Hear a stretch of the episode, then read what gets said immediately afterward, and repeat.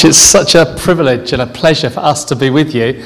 And we've heard so much about you and uh, about this church and about what God's doing amongst you. And uh, it's a, a, privilege for us to be amongst you. And I so appreciated the way you led us, Joanna and Joanna's. Everyone on the worship team was called Joanna at one point. So uh, it's uh, just, and this beautiful building, isn't this great to see the history here? Uh, I love it when we get the old and the new together and that mixture. And uh, we have a rich heritage, and you have a rich heritage here in Sweden. And we want to honour the heritage, we want to honour the past, uh, but we also believe God wants us to press into the future and that He has plans for us. So when Jakob asked me to speak, uh, and, and it's such an honour, such a privilege for me to, to address you and to speak to you um, I felt a word dropped into my heart. It was something that I felt God spoke to me a few years ago, but I felt it was particularly for you here today.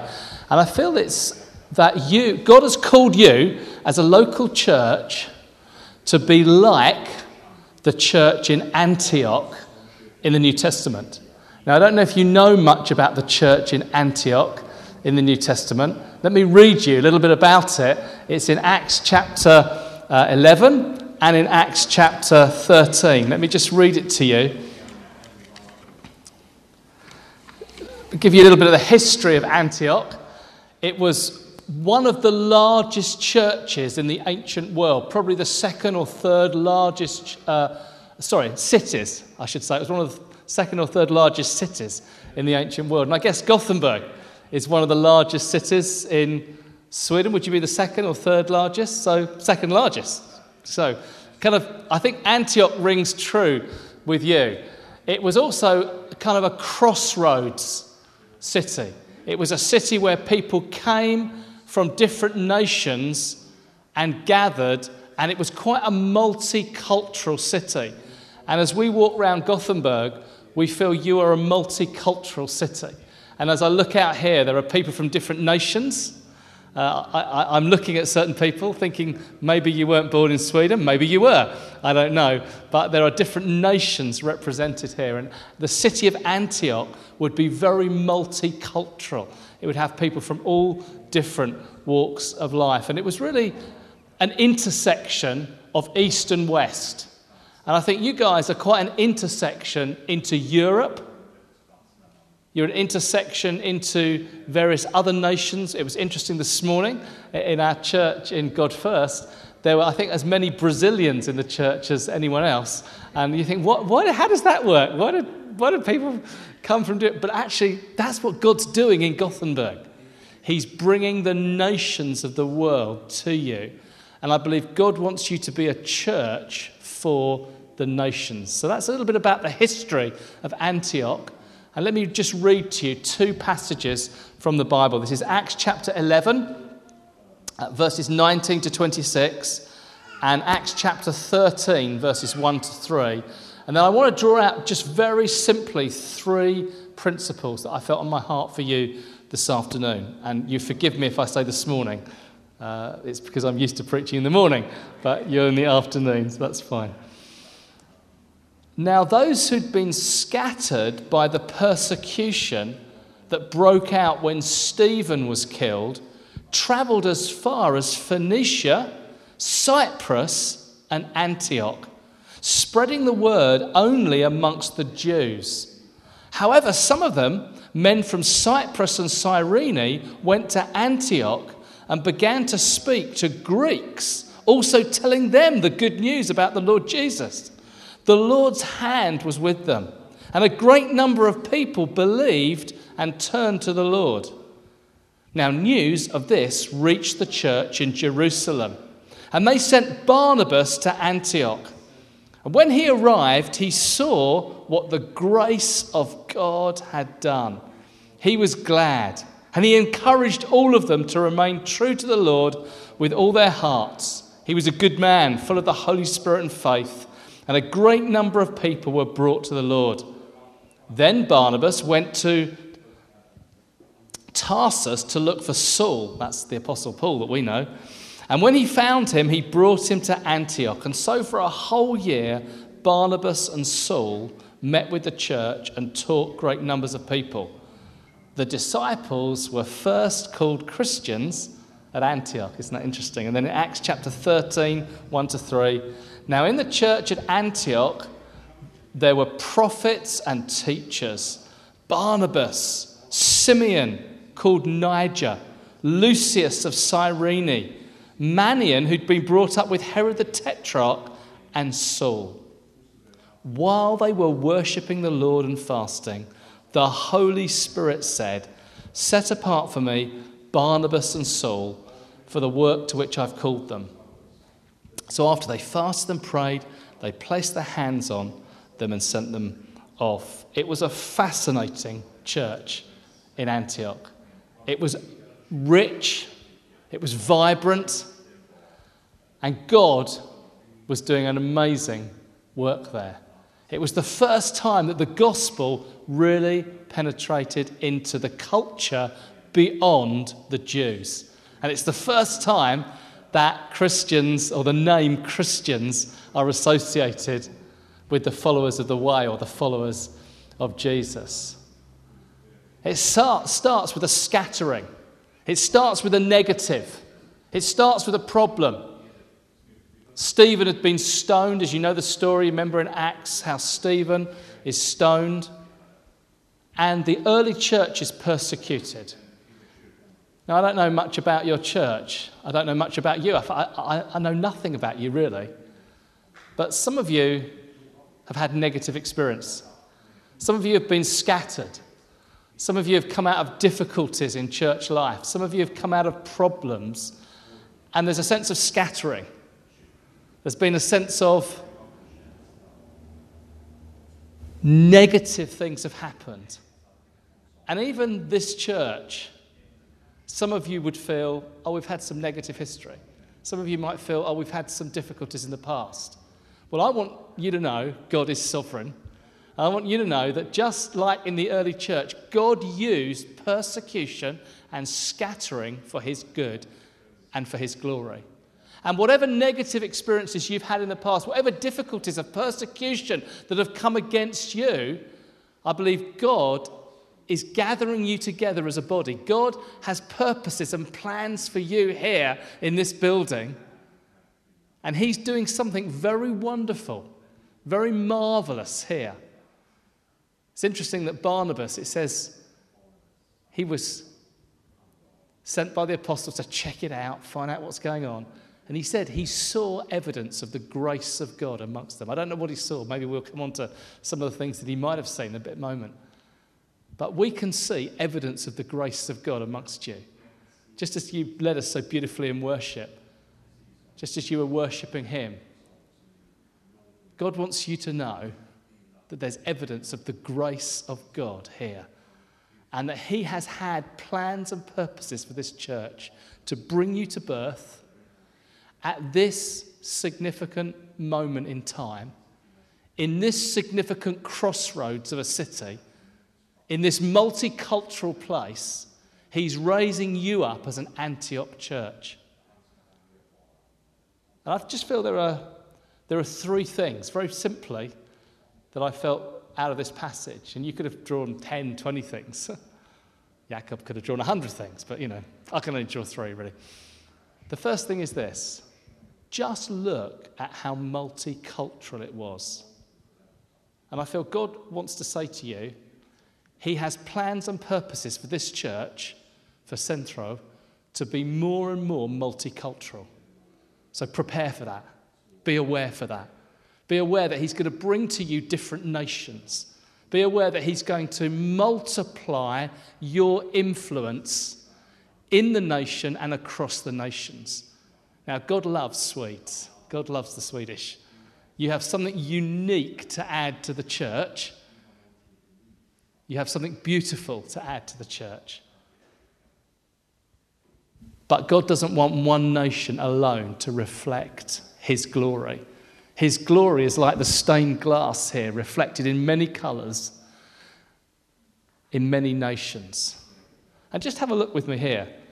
Look at the type of people that were here. I don't know if, if see, names are important in the Bible. There's a reason that names are recorded by Luke as he writes down his account. there's Barnabas. Now, Barnabas, Luke elsewhere describes as a Levite from Cyprus. And he was a Jewish man, part of the religious elite, very well educated Jewish man from a Greek island. He himself is pretty multicultural. then you've got Simeon called Niger. Now, I don't know, I can't read Swedish at all, I'm afraid. We, we have the privilege of serving in 25 different nations, and people say, Why don't you learn the local language, Jeremy? I go, I don't know which one to learn, and we go to so many nations. And so I apologize, I know no Swedish at all, apart from Volvo and ABBA. But apart from that, I know no Swedish. But I don't know what Niger comes across in your language. In the Greek language, it was a bit of a racial slur. It really meant blackie. It was about the colour of his skin. What we have here, most historians and theologians and those who've studied names, is that this man here, Niger, was probably a black African slave that had been converted to Christianity. Isn't that interesting? We've already got black and white together. Well, actually, probably not white probably brown and black. Not many whites get into the Bible. When I start to explain to my friends in African nations that the British don't get mentioned in the Bible, but African nations do, they, they can't believe they come alive. This is evidence of nations together. And then you get Lucius of Cyrene. Now, Cyrene, I, I didn't know, I had to look it up. Again, it's a North African territory.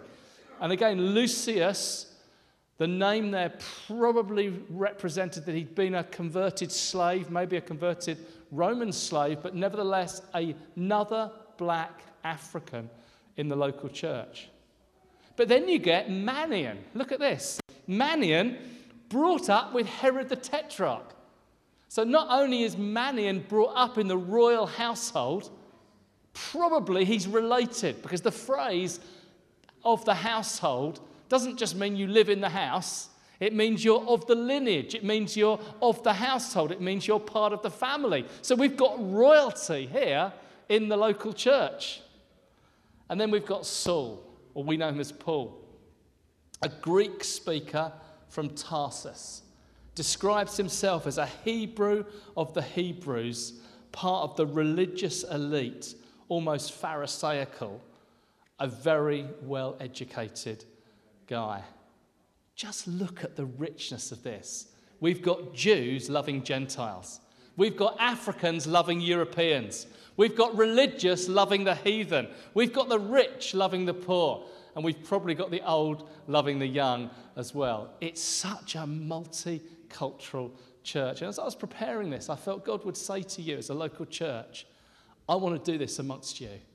I want to raise up amongst you men and women of leadership capacity that are local and foreign, that are blue eyed, blonde haired, well, grey haired, Swedish, tall, Swedish, beautiful people. And I want to bring in people from the Far East. I want to bring in people from Southern America. I want to bring in people from African nations. I want this to be a church of the nations and for the nations. A church just like Antioch. I don't know about you, but I wonder if that was what Barnabas saw.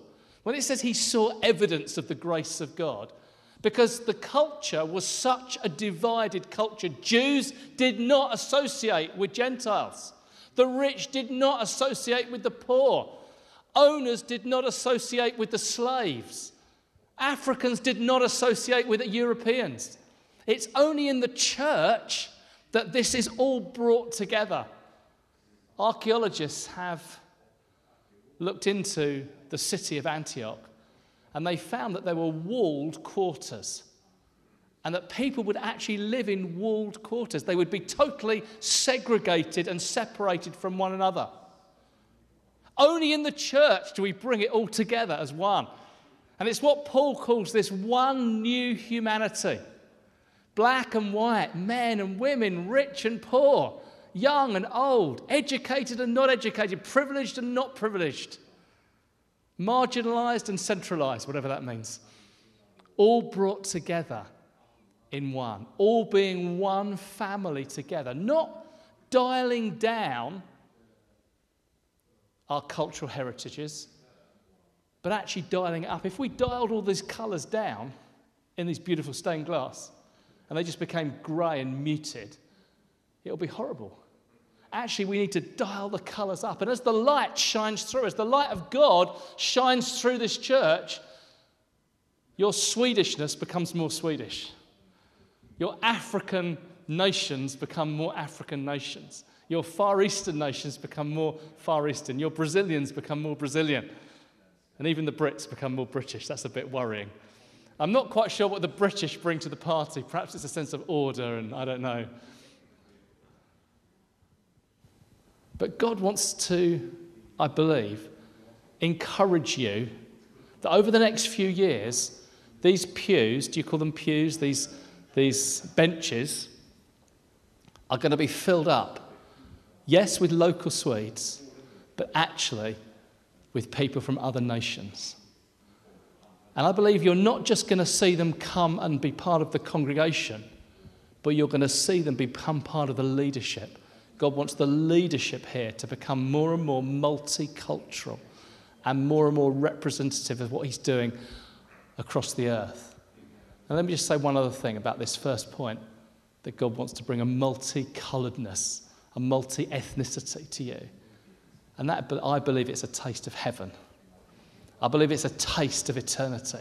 One day in the new heavens and the new earth, and it's going to be a new earth renewed, it's going to be heaven on earth. At the end of the book, the Jerusalem, heavenly Jerusalem, comes down to earth and God dwells with mankind, and there's this renewal of planet earth as the very dwelling place of God with men. And it says, every tribe, tongue, language, and nation is circling the throne, worshipping the Lamb. Don't you long for that?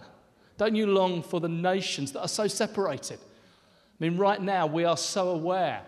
We have uh, about 14 churches that we're working with in Ukraine, and we're so aware of separation. We're so aware of warfare. You, you, you are so aware of that geographically here in Sweden. You're much closer to the action than we are. And I know that's a political issue for you and a difficulty for you right now as Sweden. But man keeps dividing, God keeps uniting. And the history of mankind has been division, division, division, division. The history of the church sometimes has been division, division, division, division. But I believe God wants to bring us back to unity together and for local churches, just like Centro, to be a beautiful example of heaven on earth, to be a beautiful example of the new humanity, one new humanity in Christ. So that's my first point, which I believe is for you, actually. I believe it's prophetic for you.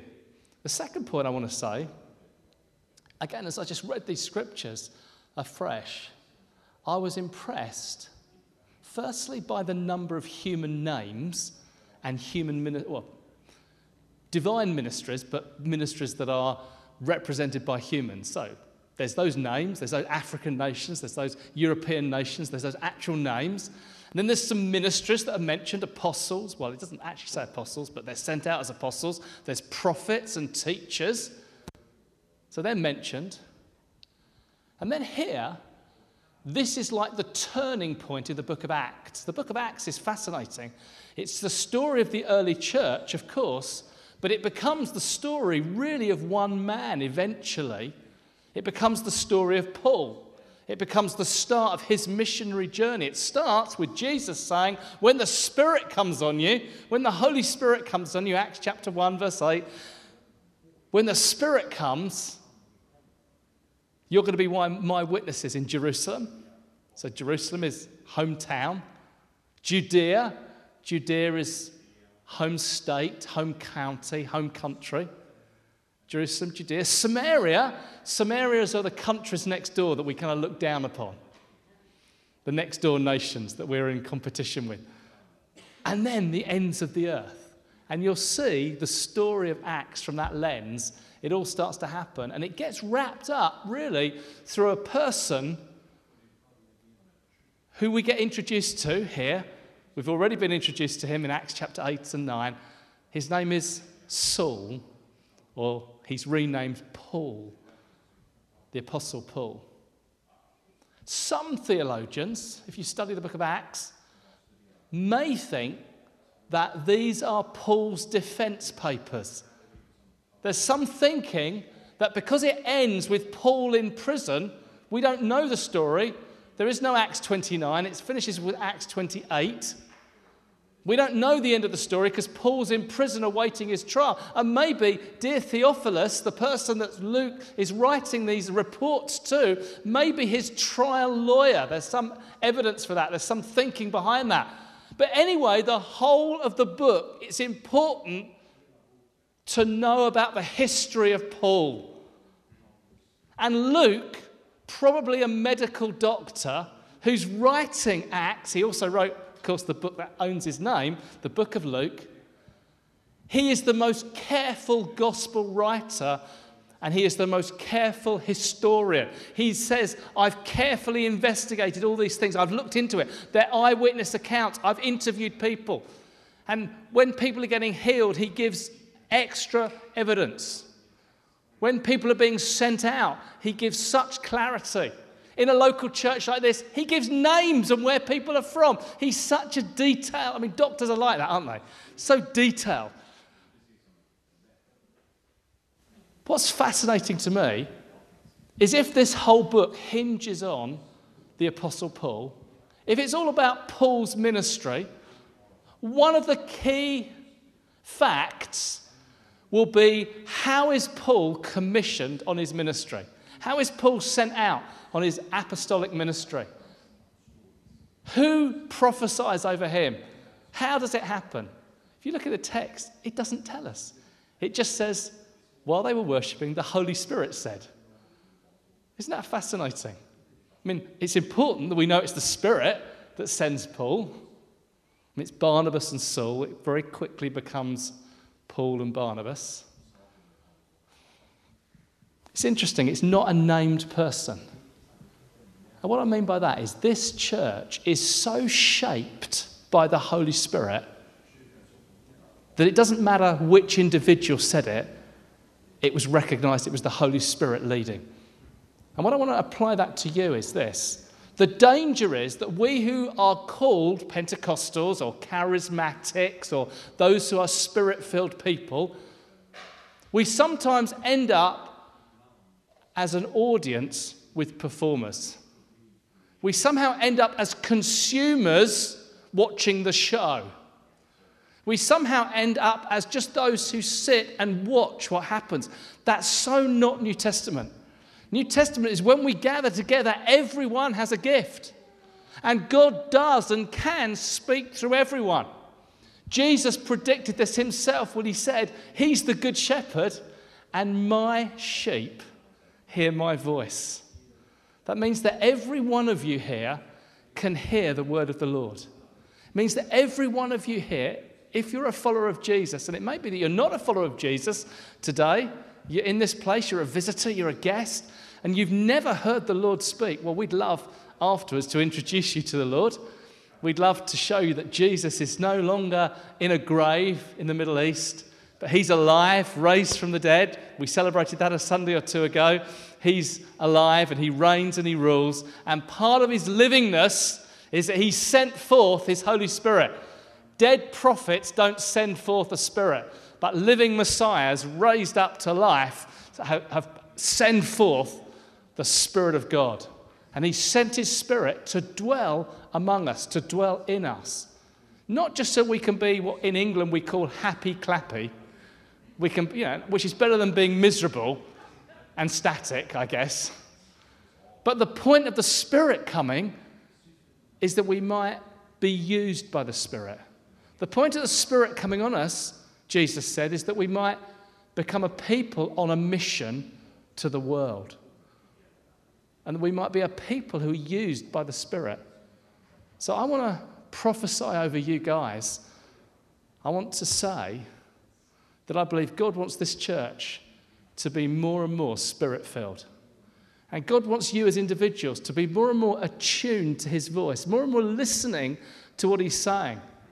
And although we'll have elders that bring security, that bring a sense of governance, that bring a sense of wisdom, like fathers and mothers in the church, actually, God can and does speak through any one of you.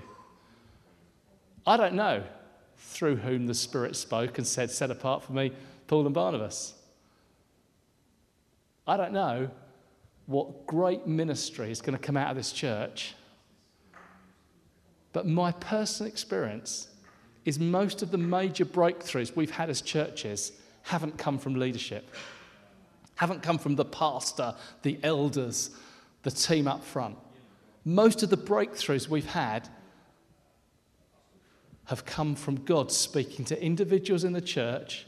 And for us, discerning that was the Spirit. It's a leadership role, needs elders in that, absolutely. For us, giving structure and wisdom and security and foundations and finance and boundaries to that. But nevertheless, it could happen through you. Why am I saying this? I have a concern for our churches and our churches as much as you. I don't know your church, I can speak for our churches that we're becoming more and more consumerist. We're becoming more and more audience and stage.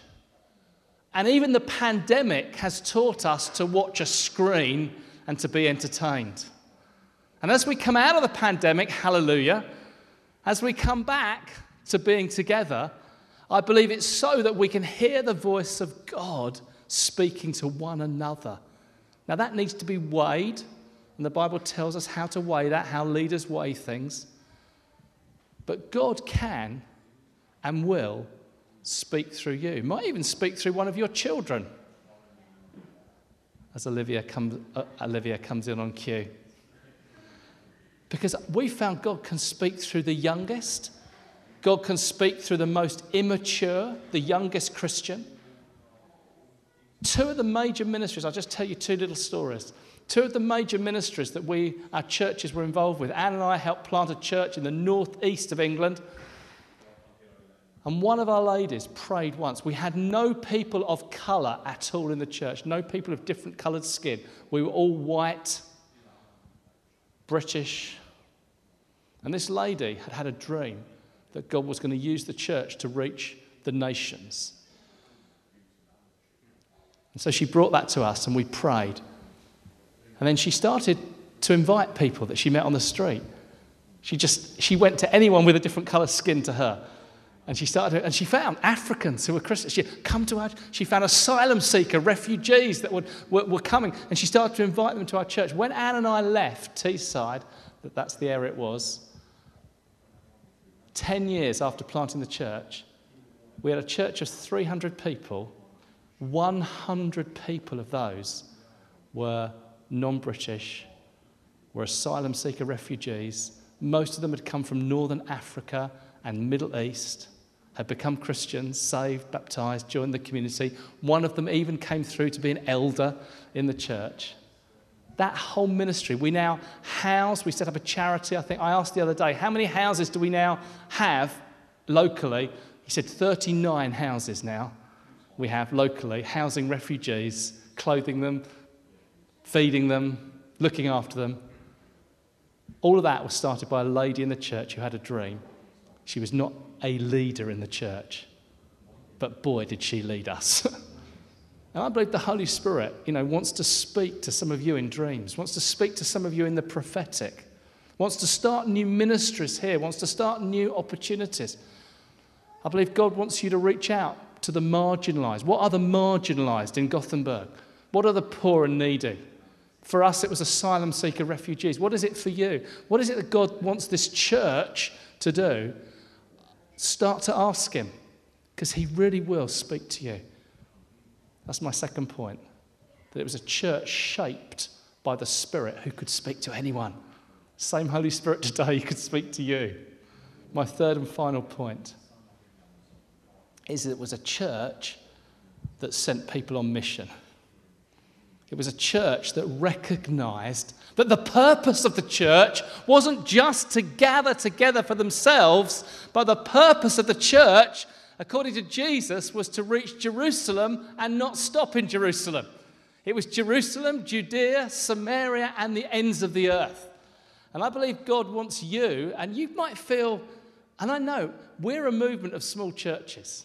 Don't get this idea that we're some grandiose movement. We've got 300 churches, but most of them are this size and smaller. We're not a movement of big churches, but we've started to plant church after church. We've got a missional mindset where we're sending people. Where's the next town? Where's the next community? Where's the next village? Where's the next nation? Where should we go? Those who study church growth would say that the majority of people who become Christians become Christians in a missional setting. They become Christians on the edge of things happening. They become Christians in small groups. They become Christians in church plants. They become Christians in new ministries. They become Christians in new settings. Think of a tree. Where do you get the fruit of a tree? It's not on the trunk or the branch, it's on the tiny little twig. That's where you get the fruit formed. It's right on the edge of things.